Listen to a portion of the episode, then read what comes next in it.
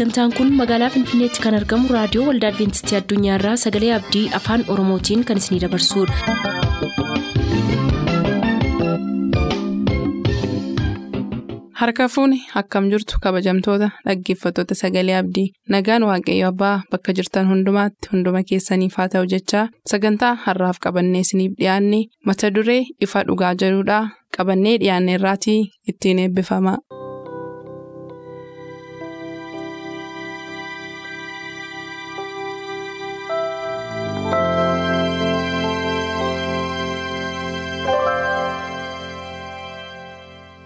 Ifa dhugaa.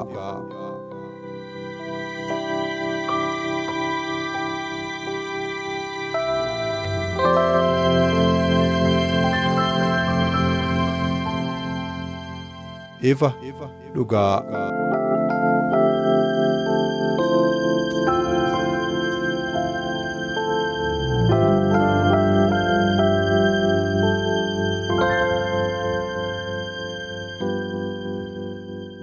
Nagaan keenya jaalalaaf kan kabajaa bakka jirtan maratti isiniif haa baay'atu akkam jirtu jaallatamuuf kabajamoo dhaggeeffattoota keenya torbanitti yeroo tokko kan isiniif qabannee dhiyaannu kun qophii ifa dhugaati. Qophii ifa dhugaa keenya miilanaatiin macaafa faarfannaa daawwit walitti fufiinsaan isiniif qabannee dhiyaachaa jirra. Har'a immoo kutaa salgaffaa qorannoo keenya kanaa isiniif kan wajjin dhiyeessaa turru sanbatoo gofarna waliin jira. Egaa waaqayyo hafuura isaatiin dhoksaa dubbii kana keessa jiru akka nuuf ibsuuf sanbata wajjin kadhanneetu gara kutaa isatti aanu kanaatti isin dabarsaa nu wajjin turaatii ayyaana waaqayyoo keessa ta'a. Waaqa ulfinaa gaarummaaf deeggarsa jaalala kee hundumaaf si galateeffanna. Maqaa gooftaa yesuusiin teessoo ulfinaa irratti galanni siif haa ta'u.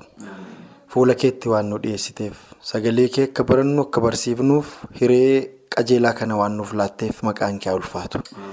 Dubbiin kee dhugaadhaa dhugichaan isaan qulqulleessi kan jedhu barreeffamee jira. Sagalee kee kana yeroo qorannu jireenya keenya karaa hundumaa guutuuf qulqulluu ta'e akka argamuuf. Hordoftoonni keenya fagoof dhiyoo taa'anii qilleensarra sagalee kee dhaggeeffatanis jireenyi isaanii akka eebbifamu nagaa guutuu fayyaa guutuu akka qabaataniif ayyaana keedhaan jireenya hunduma isaanii eebbisuun jaalala kee haa ta'u. Dubbii kee kanaan jireenya keenya mootummaa keef akka qopheessitu ayyaana keetti guutuu akka nu gootu si kadhanna yeroo hundumaa haga xumura biyya lafaatti nu wajjin jiraatte gaafa deebitee dhuftu immoo mootummaa kee keessatti qooda nu qabaachisuun jaalala kee nuuf haa ta'u kana hundumaa si kadhannaa jaalala keetti waan fedha kee immoo nuuf raawwadhu maqaa gooftaa yesuusiin ameen. Tole sanbatoo hedduu galatoomii egaa akkuma jalqabaa caqasuuf yaalee. Qophiin keenya kun kutaa salgaffaadha.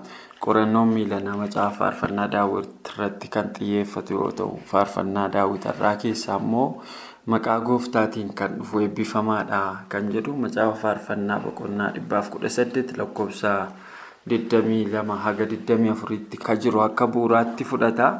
Yaadisaa waan lamaa wajjiniin wal keessaa seenee jira. Gam tokkoon faarfannaa daawwit barreessee haasa'a.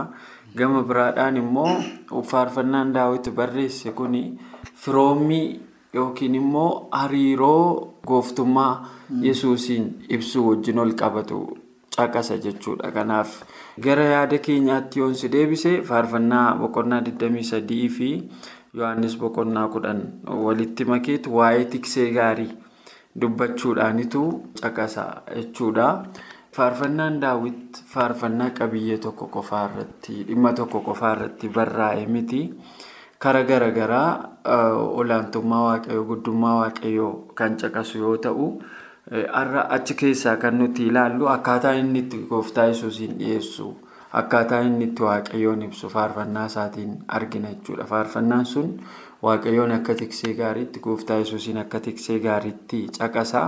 Gan biraadhaan immoo qabiyyeen faarfannaa sanaa yeroo gooftaan yesus gara biyya lafaa kanaa dhufee iventoota adda addaa irratti utuu beekanis utuu hin beekinis namoonni waan daawwit yeroo bara dheeraa dura barreesse itti fayyadamaa turaniiru jechuudha. Kanaan ol qabsiiftee yaada jalqaba kana nuuf qooduu barbaaddu yoo qabaatte carraasii kenneera.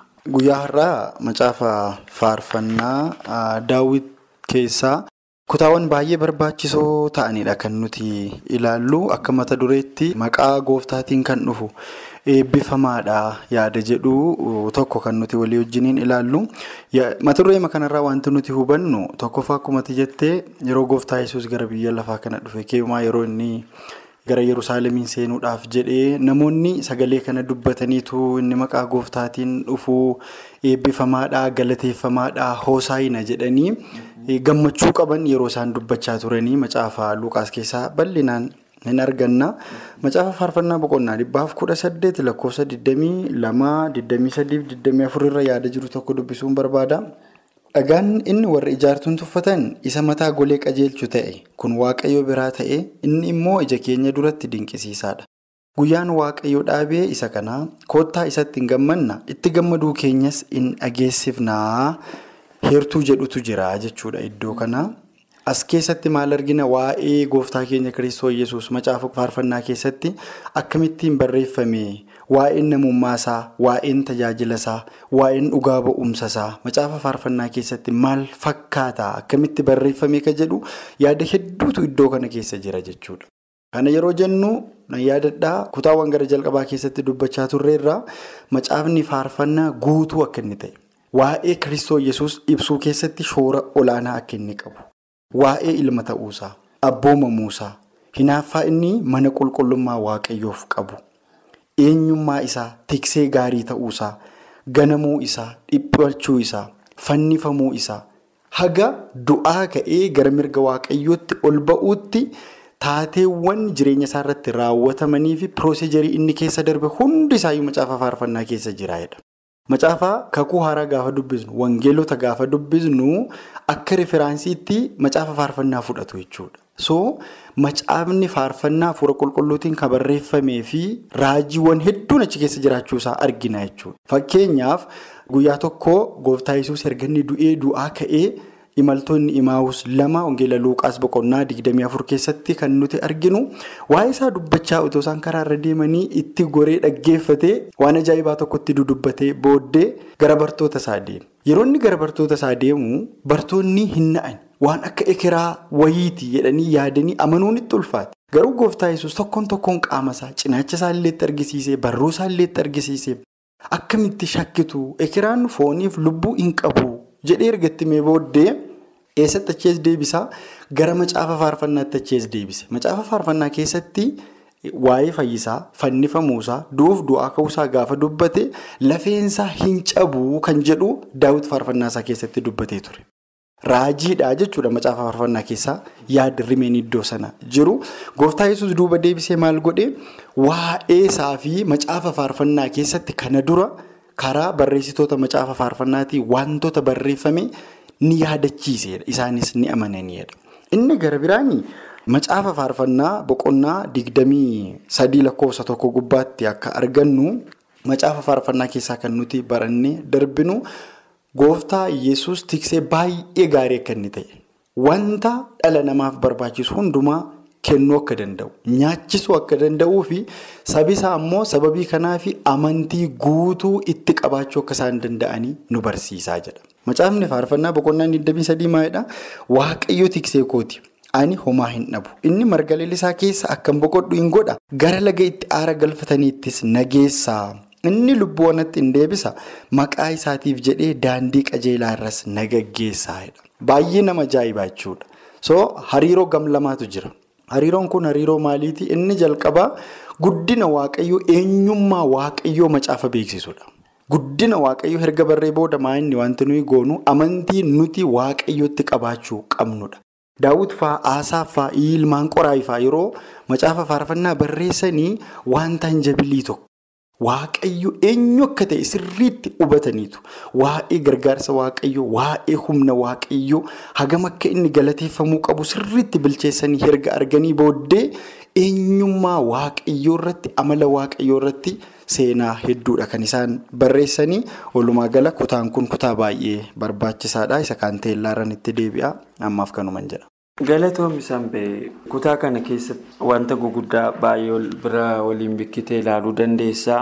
Fakkeenyaaf akka tammaa caqaste faarfannaan boqonnaa 23 Utuu haasofnu daawwiti ofiisaatii tiksee waan tureefi akka hoolota qaban beeka. Faarfannaan 23 lafumaa kaasee hin barreessu. Namni faarfannaa muuxannoo isaa barreessa. Jireenya keessa darbee barreessa. Waan jiraate barreessa namni. Daawwiti jireenya isaa barreesse faarfannaa. Gan biraadhaan immoo jireenyi daawwiti yeroo itti utuu hin beekin faarfannaan daawwiti raajii waa'ee gooftaa dubbachaa ture jira.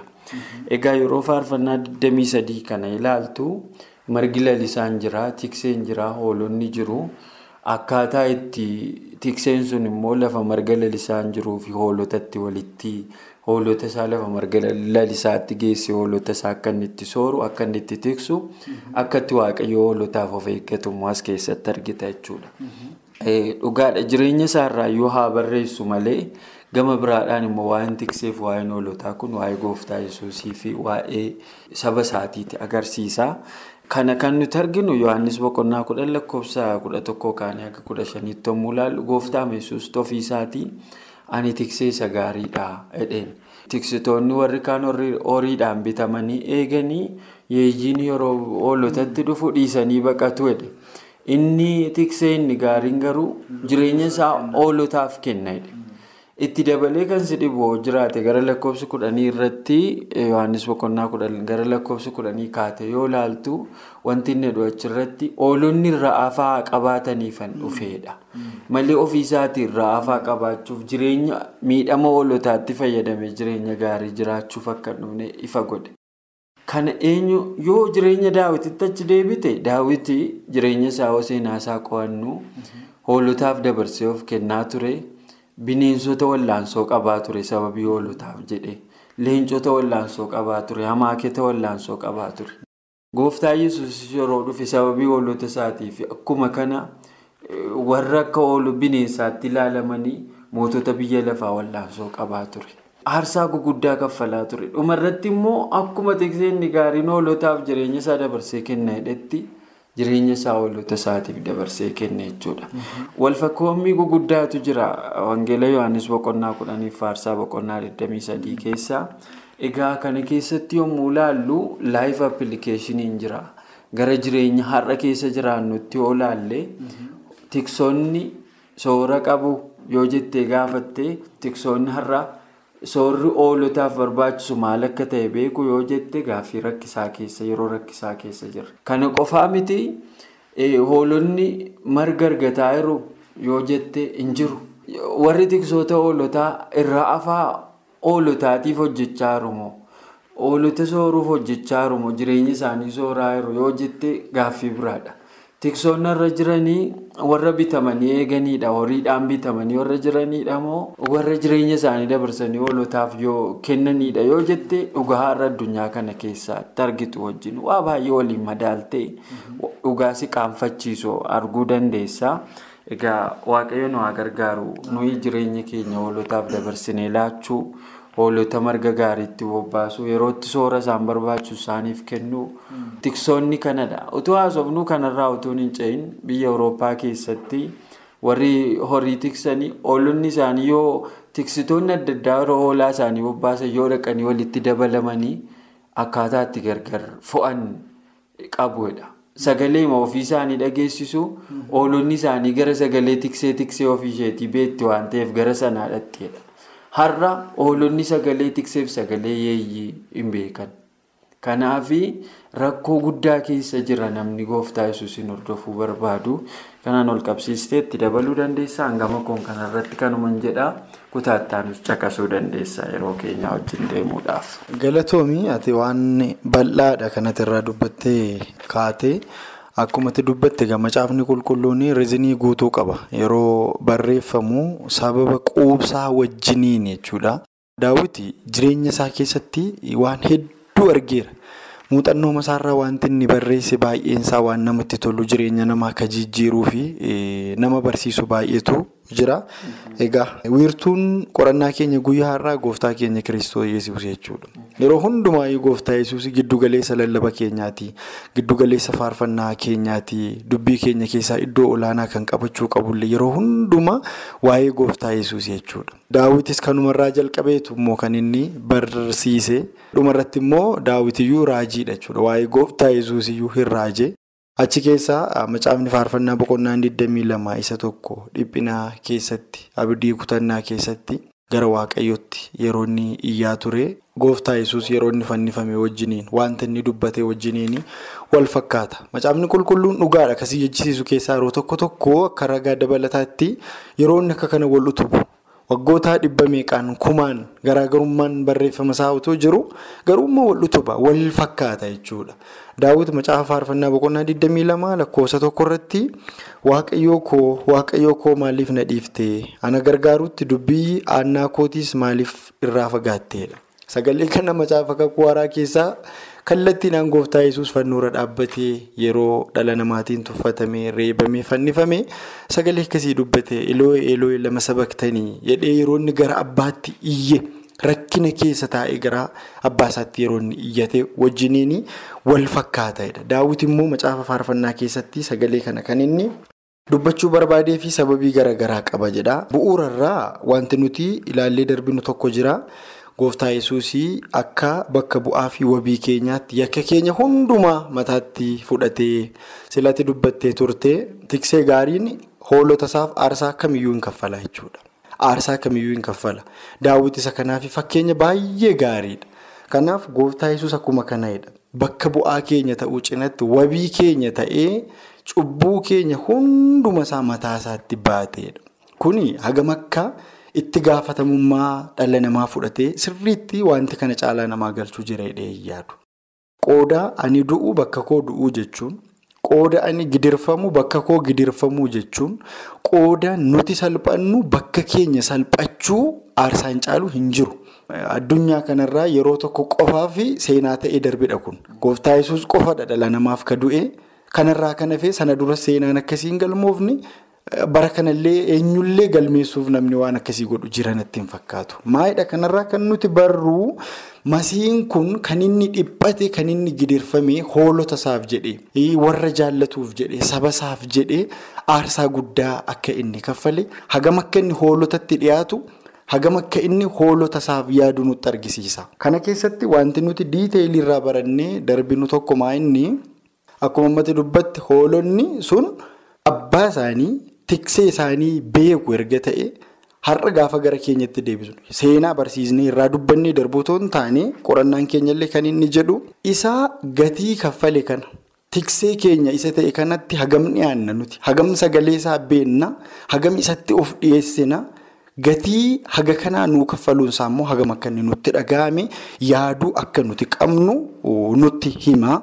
Garuu dhumarratti waan jechuu barbaadu masiin kun tuffatamee dhiphatamee harka namaatti ni salphateedha. Waaqayyo garuu maalittiin jedhe jedha dhagaa golee qajeelchuu godheetu immoo isa muudee ka jedhu ergaa of keessaa qabaa. Isaa fe'atitti dabaluu dandeessaa kanumaan jedha galatu. Dhugaadha. Wantoota baay'ee wal fakkoommii baay'eedha kan as keessaa argitu. Macaafa faarfannaa fi macaafonni kakuu haaraa iddoo baay'ee baay'eetti deebi'anii dhufanii walirra oolaniitu yeroo isaan wal utuban yeroo isaan waliif dhugaa ba'an argita. Macaafa faarfannaa keessaa iddoo tokkotti inni buddeen koo nyaate miila ol narratti fudhateedha. Kana kallattii himaanii gaafa gooftaan yesus dabarfamee kennamu. Yeroo Yihuudaan dabarseessa kennuuf jedhu inni anaa wajjiniin waciitiitti harka kaa'ee biddeen nyaachaa jiru isa kan dabarsee na kennu jedhe. Kallattiidhaanii waan jarri wal bira ta'anii an akka ittiin barreessaati immoo akka itti barreesseedhaan fakkaata yoo laalte. Kanaaf macaafa faarfannaa gam tokko raajiidhas. Gam biraadhaan immoo faarfannaa waaqayyoon leellisu faarfannaa waaqayyoon ol qabuudha.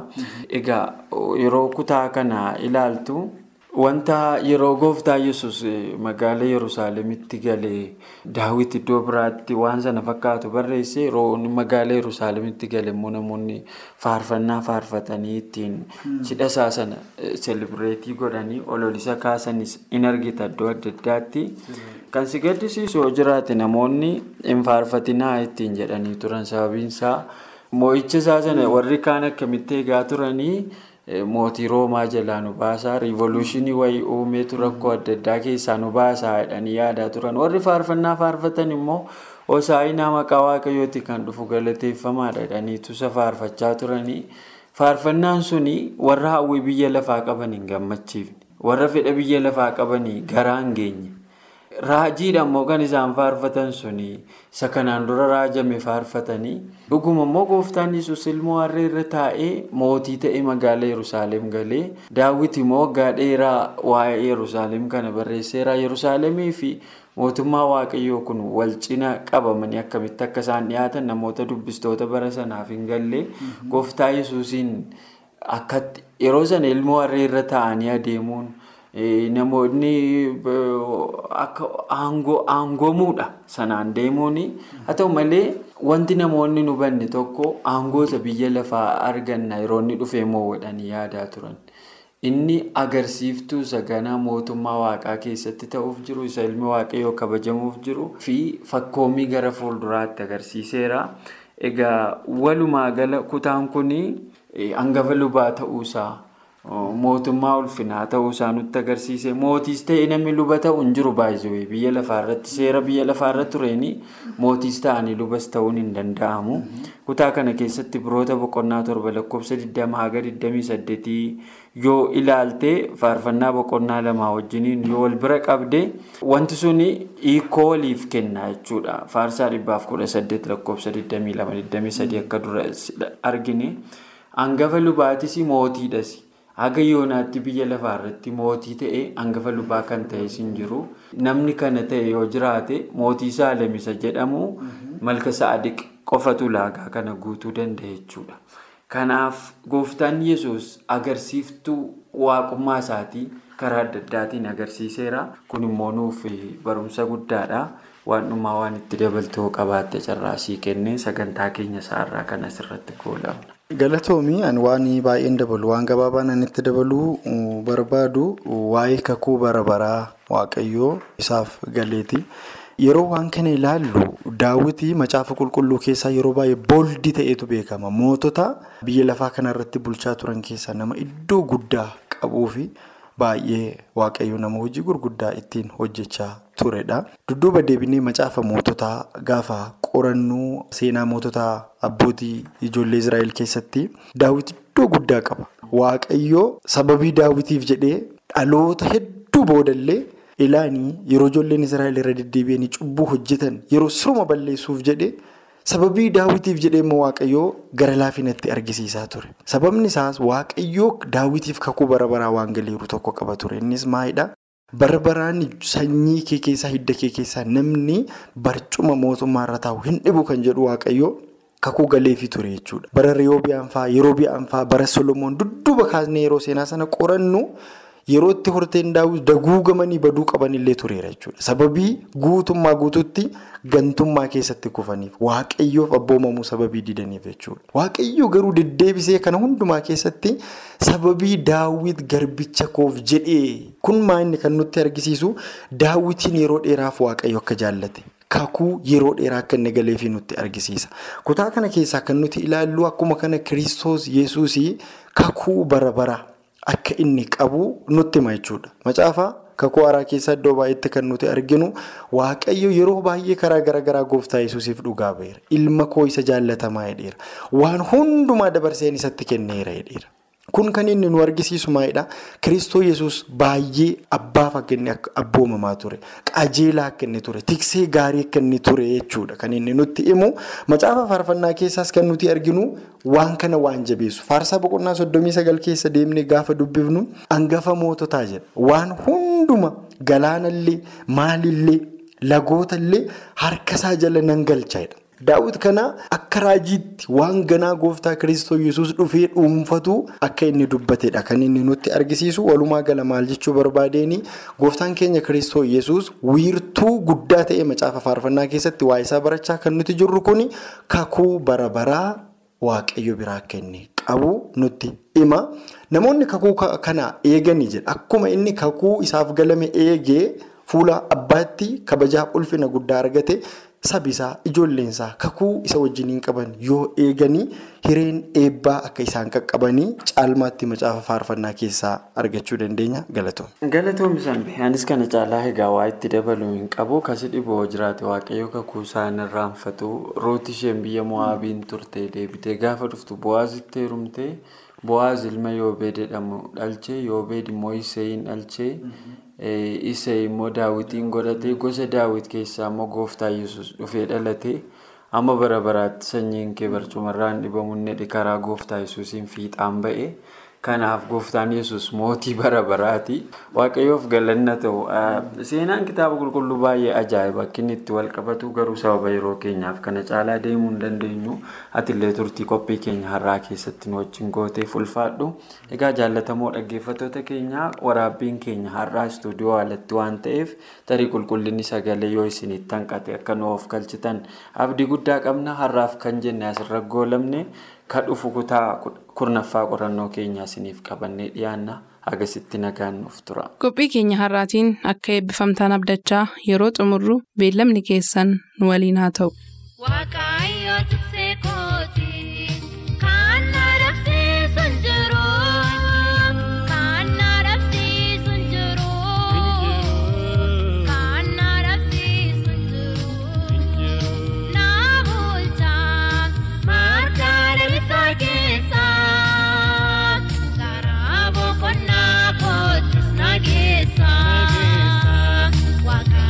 conseguo